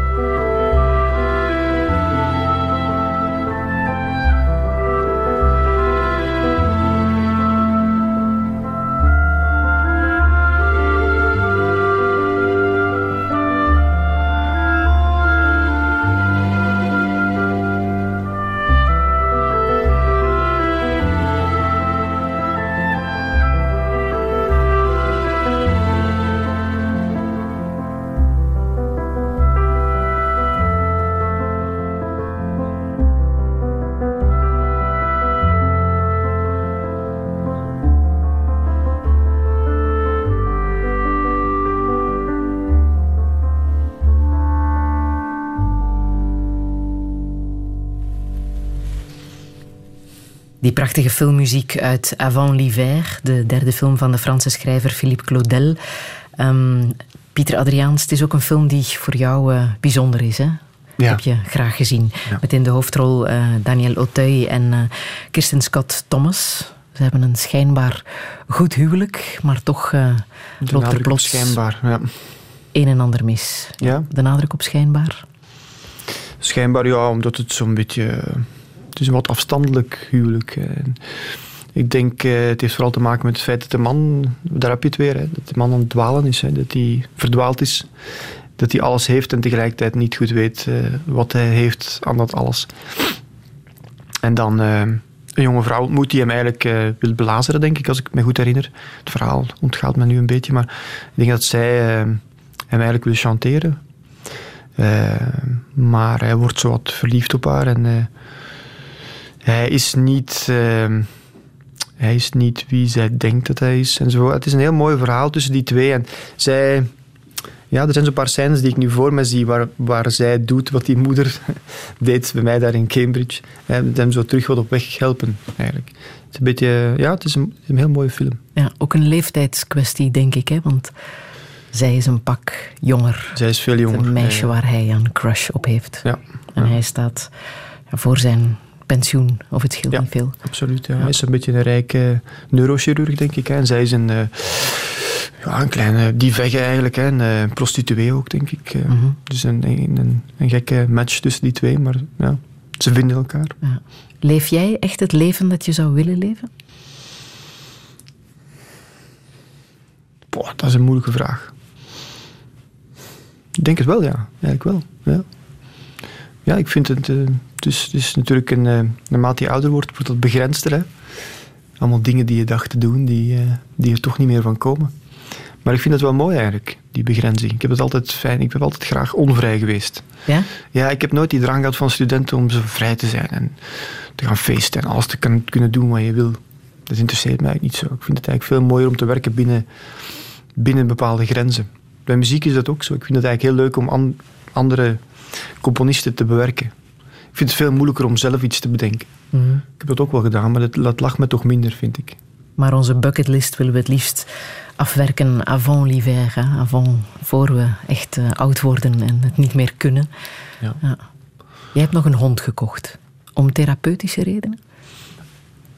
Uh, niet om therapeutische redenen, maar de therapeutische effecten zijn wel indrukwekkend, moet ik zeggen. Ja, ja toch ja? wel. Ja, ja, maar dat wou je echt. Je wou nog eens een hond in jouw leven. Een hond, ja, en met een beetje dubbel. Aan de ene kant uh, heb ik altijd graag een hond gewild. En nu was het een beetje het moment om dat te doen. Maar anderzijds, uh, ja, gaat het mij ook over dat opvoeden van dat beest. Ik, uh, ik vind opvoeden in het algemeen heel leuke arbeid eigenlijk. Ik heb dat heel graag gedaan met mijn kinderen. Maar op een bepaald moment, ja, nu, nu zijn ze 12 en 8. Goed, er moet natuurlijk nog altijd opgevoed worden. ja, maar zo, wel, ja. de krijtlijnen zijn er wat uitgezet. Ja. En nu is het zo wat inkleuren. En uh, ja, ik, ik miste dat wel een beetje eigenlijk. En nu was... doe je dat met de hond? Ja. Ah. ja. Op een andere manier toch? Op een andere manier. Het is wel... Uh, het is toch anders, vind ik. Mijn kinderen, merk ik, zijn zeer uh, volgzaam. En makkelijk op te voeden. Mijn hond is dat soms wat lastiger. en wat voor hond is het? Het is een Finse lappenhond. Mm. Maar gebruik je het ook vanuit jouw filosofische achtergrond om te onderzoeken wat, ja, je bent toch heel erg bezig met de relatie mens-dier, uh, wat inderdaad uh, er nu gebeurt tussen jou en, uh, en jouw hond? Ja, het is nog te vroeg, denk ik. Maar ik hoop wel, ik ben, ik ben zo'n beetje mee aan het verdiepen in wat men noemt animal studies. Um, ik heb ook wel wat geschreven over dierlijke seksualiteit, ook homoseksualiteit bij dieren en zo. daar heeft zij Want dat nog bestaat. Ja, dat bestaat absoluut. Ja. Um, maar bij haar is nog te vroeg. Ik ben nog te veel. Ik zit nog te veel in het verhaal, zo, in, in dat opvoedingsverhaal. Ik ben nog te veel bezig met haar. Ik kan het nog niet zien. Maar er zijn een aantal filosofen die mooie boeken hebben geschreven over hun relatie met hun hond. Ja. Uh, het Philosopher and the Wolf bijvoorbeeld is een heel mooi uh, boek uh, over de relatie tussen een filosoof en zijn wolfachtige hond. Weet niet goed wat het is eigenlijk. Er is van alles over te zeggen. Ik vind die ja, zo de, de naïviteit, zo de eenvoud van die dieren enorm aantrekkelijk. Mm -hmm. Uh, bepaalde deugden ga je herwaarderen als je zo'n dier in huis hebt. Ja. En behalve de hond, stond de moestuin ook op jouw bucketlist? Een moestuin zou ik het niet noemen, um, maar een kleine kruidentuin, ja. ja. En ik, ik reageer als een soort uh, oude fascist over mijn uh, kruidentuin. Hoezo? Hoe geen, kruid, geen onkruid komt erin. En als het er is, wordt het genadeloos uitgerukt. Um, ja, ik vind het leuk. Zo die, zeker in de lente. Eh, Dan, Nu, dan, hè? Ja, wel nu, ja. Mijn probleem is, ik ben, ja, ik ben mijn huis aan het verbouwen en de, de, de tuin ligt achter dat huis en ik kom niet meer in mijn tuin. Het is te ver. Het is te veel werk in het huis. eh. Ja. Dus ik vrees dat ik dit jaar eh, even zal moeten overslaan. Ai, ai, ja. En hoe therapeutisch is humor? Want jij bent de grappigste prof van de KU Leuven. dat zo ik nog maar eens voor wie het begin heeft gemist van deze touché. Niet van de KU Leuven trouwens, hè, van de, de opleiding, eh, de ingenieursopleiding. Ja, de technische kring. Toch een beetje beperkter. Ehm, hoe belangrijk is dat? Wel, ja, humor, ja. Ik, die, die, die films van Kusturici, dat, dat, is, dat is echt zo... Dat is zo doldwaas allemaal. Het is enorm grappig. Eh, daar kan ik heel erg van genieten. Maar een grappige filosoof, dat is een beetje een contradictie. Hè? Die hoort ernstig te zijn en betrouwbaar. Ja, ja, zo zijn er natuurlijk ook veel. Maar jij niet. Ik niet. Ik, ik, help, ja, ik, ik hou wel zo'n beetje van het schalkse. Zo. Wat mensen... Ik, ik ben nogal... Ik heb vaak nogal snel een soort reactie klaar. Sommige mensen zouden dat gevat noemen. Ik weet niet of dat zo is, maar... ehm, ik vind het leuk om mensen zo wat onderuit te halen. Met zo'n kleine, kleine bemerking. Als ze zoiets belangrijk aan het zeggen zijn of zo. Ik vind het ook altijd heel leuk als mensen zo'n heel belangrijke uitleg aan het doen zijn. En dan blijkt hun broek open te staan. Of ze hebben aardbeiensaus gemorst op hun hemd of zo. Ik vind die kleine, kleine gebreken vind ik altijd heel leuk. Ik herinner me dat ik ooit met zo'n een, een heel zelfingenomen violist eh, aan het spreken was op een receptie ergens. En die man had met, met heel veel gebaren en heel veel wijdlopigheid een of ander onbenullig punt gemaakt. En eh, terwijl hij aan het, eh, aan het spreken was tegen mij, brak zijn hapje. En dat viel allemaal op zijn kleren. En ik vond dat geweldig, geweldig grappig. En dat, ik kan daarvan genieten, zo, die, het doorprikken van eh, zelfingenomen eh, De mensen. imperfectie van de mens. Ja, ja.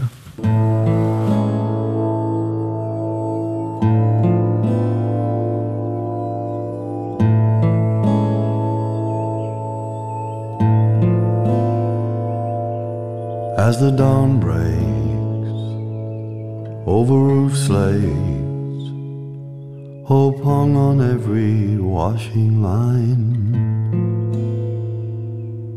As your heart aches over life's fate, I know we never had much time for us to give we did. There's something in those deep blue eyes. As the light creeps over the houses, and the slates are dark by rain. In this morning search for meaning, I hear a songbird's melody. I hear a songbird's melody. And she's singing just for me.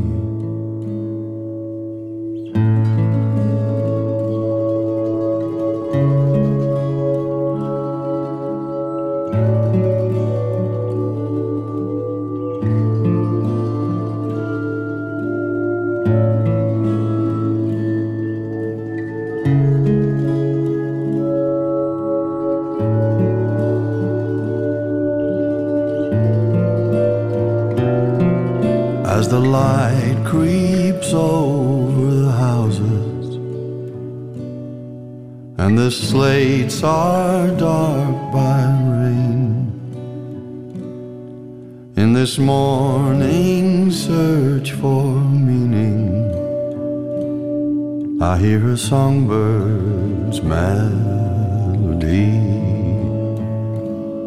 I hear a songbird's melody. And she's singing just for me. Oh, she's singing just for me. A simple songbird's melody.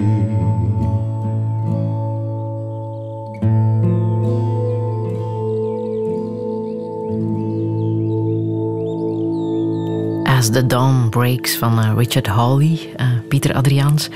Wat een bloedmooi nummer, hè? Ja. ja. Je hebt hem ook live aan het werk gezien? Ja, al eh, meerdere keren denk ik eigenlijk. Ja. Ja, en ook indrukwekkend daar. Die stem is, die is echt. Hè. Daar, is geen, daar is niks aan toegevoegd. Dat is, Ah, en waarom dit nummer? Waarom is dit zo bijzonder? ik vind dat een- het is het openingsnummer van die plaats. Ehm, True Love's Gutter, denk ik. En het is een perfect openingsnummer. Het is zo'n soort. Ja. Ik denk dat hij van vroege ochtend beschrijft. Ehm, het wordt net licht zo. En de eerste vogels eh, beginnen te fluiten. En hij ziet eh, de waslijnen zo in de tuin. eh, Dus alles is beregend. Ik vind het zo. Ik vind het iets heel mooi. Zo'n nieuw begin. Ja. Brits landschap. Ja, ja, misschien wel. Ja. Zowat de, de, de leien van de daken die nat zijn. Hij zingt ook Hope hung on every washing line. Vind ik heel mooi. Je hebt zelf ook in eh, Cambridge gewoond, hè? Ja. Ja. Waarom wou je daar naartoe? Eh, omdat ze daar een, een wel, er zijn verschillende redenen. omdat ze daar een departement hebben eh, dat ze niet in België hebben. Dat is een, een departement History and Philosophy of Science.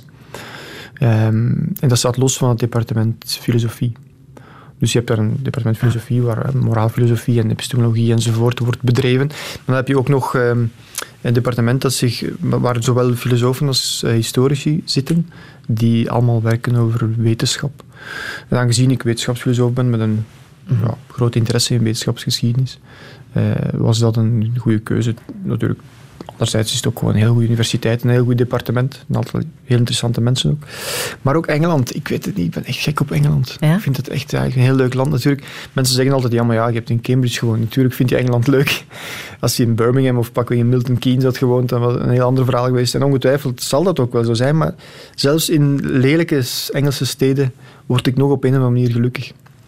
Het Engels natuurlijk heeft daarmee te maken. Eh, maar ook de natuur. ehm, de architectuur toch ook wel een beetje, ja. Die, Dat spreekt me wel aan. Zo'n beetje het grauwe wel. En was het moeilijk om je thuishaven achter te laten en dan naar het buitenland te gaan? Want je hebt het twee keer gedaan. Hè? Je hebt ook een tijd lang in eh, Montpellier eh, Ja, gewoond.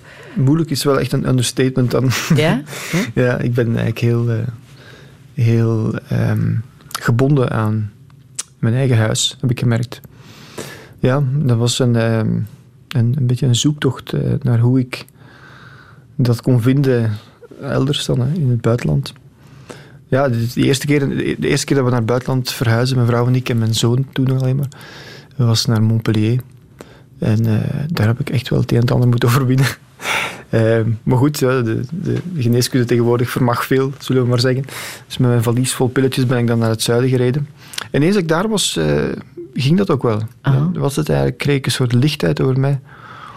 Maar het is eh, dat losgerukt worden van thuis, dat mij... Dat me, nog altijd hoor, het gaat nog altijd, het is nog altijd niet van harte. Als ik er het, ergens eh, lange tijd kan zijn, is het makkelijker. Maar zo toerist zijn is, is een stuk moeilijker. Maar in Frankrijk heb je het geheime landgoed van Gerard Reven ontdekt. Ik heb het niet ontdekt, maar ik heb wel gemerkt dat ik er... ehm, mijn vrouw en ik eh, waren nogal gek op een dorpje in eh, de Drôme Provençal. Eh, dat is dicht bij Montpellier. Niet, eh, het is niet in dezelfde streek, niet dezelfde regio. Eh, dat dorpje heet Dieu- Dieu-le-Fille. Ook een prachtig... God, God heeft het zelf gemaakt. En we, hebben daar zelfs een huis gezien en we hebben, nog staan fantaseren voor dat huis. Gaan we het kopen of niet? We hebben het niet gedaan, voor alle duidelijkheid. Ehm, en later heb ik geleerd dat Dieu-le-Fille, dat is het dorpje waar in de buurt Reven dan een huis had en dan een beetje verderop nog een landgoed ook, het geheime landgoed. Dat daar nog altijd ligt blijkbaar ook, eh, tot mijn verbazing. Eh, mensen hebben daar foto's genomen. Wat Daar ligt, fascineert jou zo in het werk van Gerard Reven? van alles. Die humor natuurlijk. Dat, die genadeloze humor, zelfspot. Maar ook natuurlijk het spreken over seks. Eh, en vooral zo die... Ja, wat er niet, niet de verheerlijking van seks, maar ook gewoon de, de lelijkheid van seks en het onhandigen en de, het gestuntel en eh, die zoektocht om daar iets zinvol mee te doen met die seksualiteit. Dat sprak mij ook heel erg aan. En dan, ja, zo hier en daar zo van die kleine dingen. Hè. Bijvoorbeeld die laatste zin van de avonden. Daar ben ik echt dol op. Hè. Dat hij zegt, het is, eh, het is gezien. Hè. Het is niet onopgemerkt gebleven. dat vind ik een fantastisch beeld. Dat is zo'n beetje voor mij eh, toch een soort verlangen waar iedereen eh, mee zit. hè. Het verlangen gezien te worden. Als kind hebben we dat allemaal. Hè. We lopen de hele tijd op onze ouders. Kijk eens, kijk eens. En als het niet gezien is, is het niet belangrijk. Als je niet te goed kijkt als ouder, is het ook niet goed genoeg. Je moet langdurig kijken, je moet wachten tot de actie gedaan is enzovoort. En ik, ik vind het zo gek dat mensen dat nadien dan zo precies ergens in, in een schuif parkeren. Dat verlangen om gezien te worden. Hè. Uiteindelijk hebben we dat allemaal nog een beetje, maar... eh, Jouw zoon heet, heet eh, niet Gerard, hè, maar Amos. Naar die andere auteur, Amos Os. Ja, ja. Ja. Ik kan hem Omdat je ook zijn werken, ja. Omdat je ook zijn werken eh, fantastisch vindt? Van Amos Os? Eh, ja, om andere reden wel. Het is natuurlijk veel beheerster. Het is eh, wat klassieker in zeker opzicht. Maar je hebt ook een paar mooie dingen. Ja. Bijvoorbeeld die brievenroman, Black Box. Die is heel mooi, vind ik. Die, ja, die twee hoofdfiguren, de man en zijn ex-vrouw. Hij is een soort militante atheïst en zij is dan hertrouwd met een heel eh, wat ja, recht in de leerse, zeg je dat zo, fundamenta- fundamentalistische gelovige. Eh, en die clash tussen die twee en de bewondering van haar voor hem en eh, zo het koude van die man. Ik vind het allemaal heel mooi. Maar ehm, we zijn aan Amos beginnen denken als voornaam voor mijn zoon toen een verhaal van liefde en duisternis verscheen. En daar zijn toch ook een paar heel... Het is een soort autobiografie eigenlijk hè, van eh, Amos Os.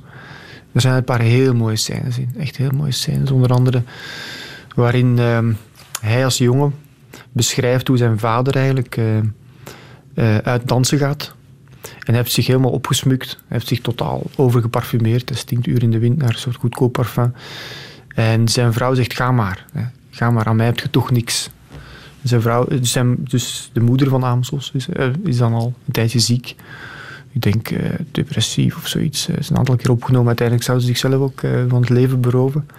Maar ik vind die scène heel aangrijpend eigenlijk. Die scène waarin die vrouw zegt, joh, ga maar naar buiten. Het is, Aan mij heb je, het, heb je niks. Ja. En hoe dat hij dat beschrijft als jongen eigenlijk. Hij staat daartussen. Hè. Toch wel. Ja. Dat is een mooi boek. Je hebt één zoon. Ja, en een dochter. Zoe. Is hij ook genoemd naar Eh, een schrijfster? Nee, ze is niet genoemd naar een beroemde figuur eigenlijk. Nee, ze is gewoon zichzelf. Daar is ze heel goed in. Een pleegkind heb je ook gehad, hè? Dat is al langer geleden. Ja, Toen je nog vrij jong was. toen we nog heel jong waren. Ja, toch jong en overmoedig en onbesuist. En waarom wou je dat? Eh, mijn vrouw heeft mij moeten overtuigen, om eerlijk te zijn.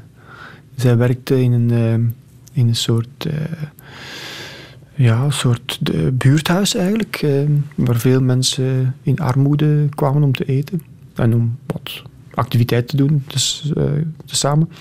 En er was een gezin eh, met twee kinderen, waarvan de jongste nogal moeilijk was in de omgang, zullen we maar zeggen. Eh, zij konden er moeilijk huis mee houden. En zij zochten eigenlijk iemand, ik vond dat heel, heel mooi dat die mensen dat konden. Zij zochten iemand die ja, iets anders kon bieden dan wat zij te bieden hadden. Zij zagen dus eigenlijk hun eigen beperking in. Ik vind dat eigenlijk ongelooflijk dat je dat als ouder kan. En dan zegt, eh, mijn zoon heeft iets nodig en ik kan het hem niet bieden. En konden jullie iets bieden? Ik denk het wel. Ik denk het wel. Ik zie dat toch vaker. Ik heb ook een tijdje in de psychiatrie eh, meegedraaid. Hè, een soort stage eigenlijk. Ik zie toch de ongelooflijke effecten van die beweging waarbij je iemand uit zijn vertrouwde omgeving haalt en ergens anders zet. En hoe alles eigenlijk opnieuw begint. Hoe je eigenlijk, bij wijze van spreken, terug van nul kan beginnen. Kan beginnen werken. Ehm, je zou denken, in mijn geval heeft dat altijd ontwrichtend gewerkt, maar soms heeft dat blijkbaar ook heilzame effecten. En bij hem was dat zo, ja, bij die jongen. Dus we hebben een, om, om, om de zoveel tijd, het was niet, het was niet de hele tijd, hè, om de twee weekends of zo was die dan een weekend bij ons. En dat was eigenlijk een heel gemakkelijke jongen. We hadden er eigenlijk nooit veel. Tegen mijn vrouw was hij iets eh venijniger. Soms daar had hij wat meer moeite mee. Maar dat was een heel mooie tijd eigenlijk. Een beetje jammer dat we dat niet hebben kunnen voortzetten. En onlangs zag ik hem terug. Grappig genoeg, hij werkt bij de groendienst van de KU Leuven. En dat was een haag aan het snoeien ergens op het Ladeuzeplein. Ik liep Ja? voorbij en ik... Hij, hij zag mij ook en hij herkende mij direct. Dat was een mooi moment eigenlijk. ja. Een celiba- celibatair leven als priester, was dat ook een optie geweest voor jou? Goh, net zoals veel mensen kom ik wel uit een familie met heel wat, eh, wat priesters. Hè. Zeker in die generatie van mijn grootouders nog. En ik lees daar ook graag over. Omdat dat boek van Koen Peters, on- onder andere, ondanks, hè, over eh, die antropoloog die eigenlijk eerst jezuïet was. Enfin, het is denk ik wel compatibel, die twee. Maar, ehm, De mensengenezer. de mensengenezer, ja.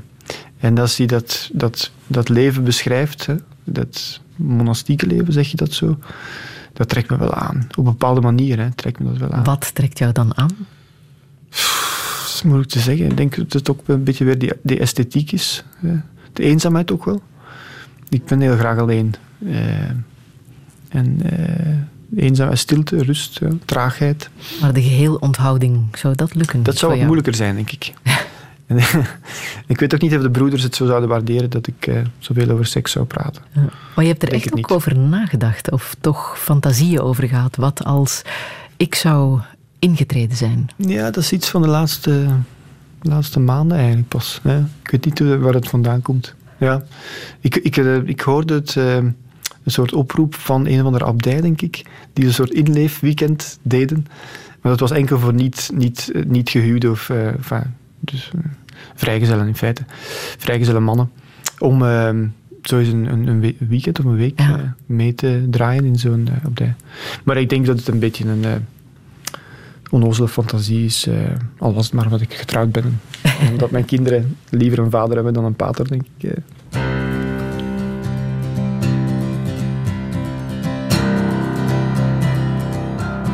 Still my heart and hold my tongue.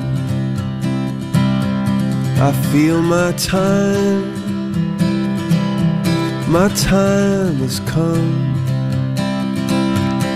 Let me in, unlock the door.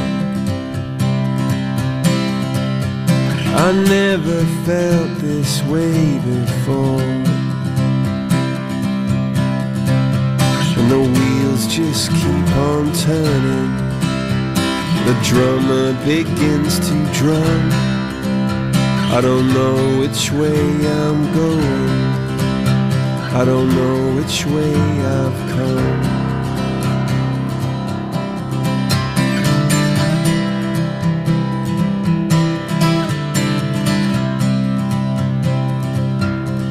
Hold my head inside your hands. I need someone who understands. I need someone, someone who hears. For you, I've waited all these years. For you, I'd wait till kingdom come until my day,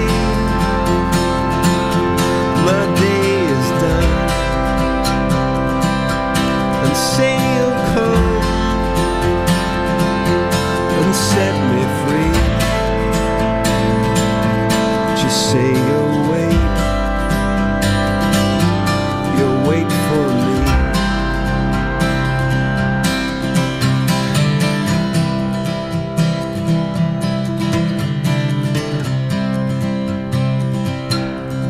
in your tears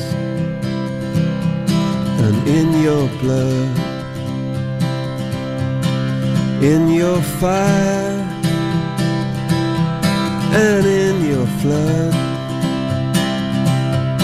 I hear you laugh, I heard you sing. I wouldn't change a single thing.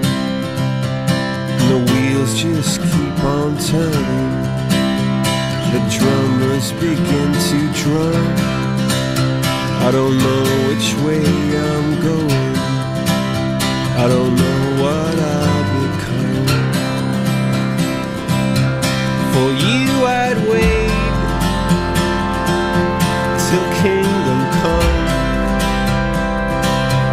Until my days my days are done. Say you'll come and set me free. Just say you'll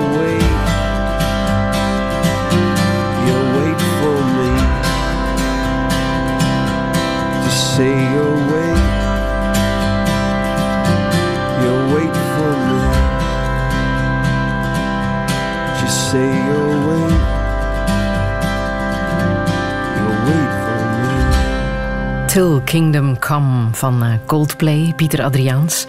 Een nummer met een eh, bijzondere betekenis. Ehm, ja, wel, daarnet zei ik het al. Ik heb eh, altijd een soort eh, eh, verlangen gehad om eh, onvrij te zijn. Dat is natuurlijk een beetje overstated, maar ik bedoel, eh, eh, en trouw is natuurlijk, ja, dit gaat over trouw, wat mij betreft tenminste.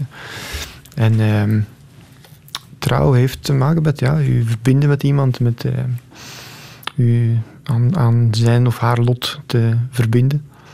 dat En daar ook de moeilijkheden van onder ogen durven zien. ja, absoluut. Ja, het is niet evident. Het is echt een soort opgave. Ah.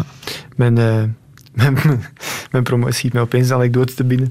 Mijn promotor eh, zei onlangs tegen mij, vertelde een soort scène, dat hij en zijn vrouw eh, gingen slapen. En eh, hij had een beetje te hard aan het deken getrokken of zoiets. En ze had het gevoel, dat, ze zei van, ik, ik eh, krijg geen lucht meer zo. En had hij gezegd, dat is het huwelijk. dat vond ik wel mooi. Nee, dat is zo, ja. Het is, het is natuurlijk het is een opgave. Hè. Ja. Maar ik vind het wel mooi. Ik, ik- zoals ik zei, ik, ik werk graag met beperkingen. Zo. Ik vind het ook met mijn eigen beperkingen. Je bent nu 38? Ja. ja. Wat zou je echt nog willen in het leven? Oh, nog een paar goede boeken schrijven eigenlijk. Dat zou ik wel graag doen. Over? Ja, over het syndroom van Cotard daar wil ik zeker ooit iets over schrijven. Maar ehm, ook zo wat non-fictie. Ja, ik, ben, ik ben er nog niet helemaal uit hoe ik dat moet doen. Maar ehm, ik was wel onder de indruk van een aantal boeken onlangs, eh, die onlangs verschenen zijn. Waarin zo het leven van een wat minder bekende figuur, soms zelfs onbekende figuren, ehm, beschreven worden zo, en ontrafeld worden. Eh, dit, dit gaat gepaard met veel archiefwerk. hè. Ik denk bijvoorbeeld aan, aan dat boek over Noesbaum, Felix Noesbaum. Ja. Van Mark Schavers. Daar was ik echt van de indruk. Een heel mooi boek. En ook het feit dat die man... een schilder die Ja. helemaal van eh, het spectrum was verdwenen Ja, door eh, de Tweede Wereldoorlog. Ja. En over zijn kunst kan ik me niet goed uitspreken. Zoals ik zei, ik ben niet zo'n eh, ehm, liefhebber van de schilderkunst, maar dat hele verhaal gewoon, ook die, de tragiek van dat verhaal. En, maar, maar echt ook de, de arbeid van de auteur om dat verhaal tot zijn recht te laten komen. Hij heeft er ook zeven jaar aan gewerkt, denk ik. eh, al die plaatsen gaan bezoeken waar Noesbaum geweest is of zou geweest zijn. Dat vind ik, eh, vind ik helemaal, trekt me heel erg aan. Dat zou ik wel ooit eens eh, graag willen doen. Ja. En schrijf je ooit nog een boek over homoseksualiteit, maar dan van de vrouwelijke kant? Want jouw boek Born This Way was helemaal vanuit het mannelijk standpunt geschreven, hè? de mannelijke homoseksualiteit. Maar Ik wat heb- met de lesbische liefde?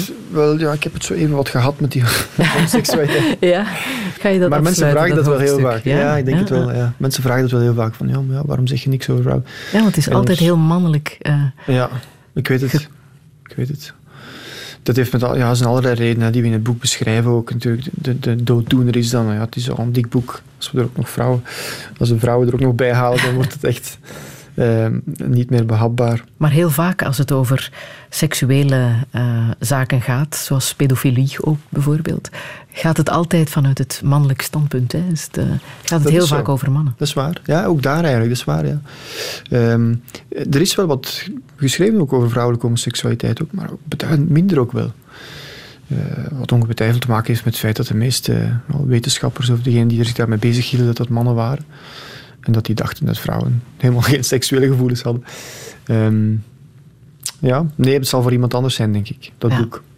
dat laat ik aan iemand anders over. Een van jouw studenten misschien. Ja. wie weet. Ja. Op muzikaal vlak? Wat zou je nog willen? Ja, dat weet ik niet goed eigenlijk. Ehm, ik heb die, bij die, met dat derde album van Grim sluiten we, een soort, eh, sluiten we iets af wel, denk ik. Als we nog verder gaan, zal het met andere muziek zijn. Dus eh, we hadden ook op voorhand, gek genoeg, gezegd dat we gaan drie albums maken. En dan, dan stoppen we ermee. En dat hebben we nu gedaan. Ik zou natuurlijk nog graag heel veel optreden en zo, maar eh, optreden doe ik heel graag, ja. Ik zou zelf ook graag wel wat terug beginnen spelen. Piano spelen dan. Zo Welke- ook daar, die arbeid vind ik heel leuk. Zo de, Mm. Een stuk kunnen inoefenen, erop vroeten, en zoeken. En, eh, jezelf steeds proberen te verbeteren, zo, dat vind ik wel leuk. Ja. En welke boodschap wil je hier nog meegeven? De boodschap die ik wil mee- meegeven. Daar moet ik eens over nadenken. ik heb niet meteen een boodschap klaar. Misschien dat eh, we eind april allemaal naar eh, de Roemeense fanfare Chocarlia kunnen gaan, samen met jou. Want die wil ik nog laten horen. Ze spelen eind april, 21 april in Bozar. Hè? Ja. Bijzondere muziek, waarom precies? Ja, omwille van dat. dat het leven, dat is echt een soort viering van het leven. Het, het, het- de, de drukte, de chaos, eh, maar ook zo de, de, ja, de, emoties, de, de neerslachtigheid, de hoogtes en de laagtes, eh, zit er allemaal in. Ja. Ja.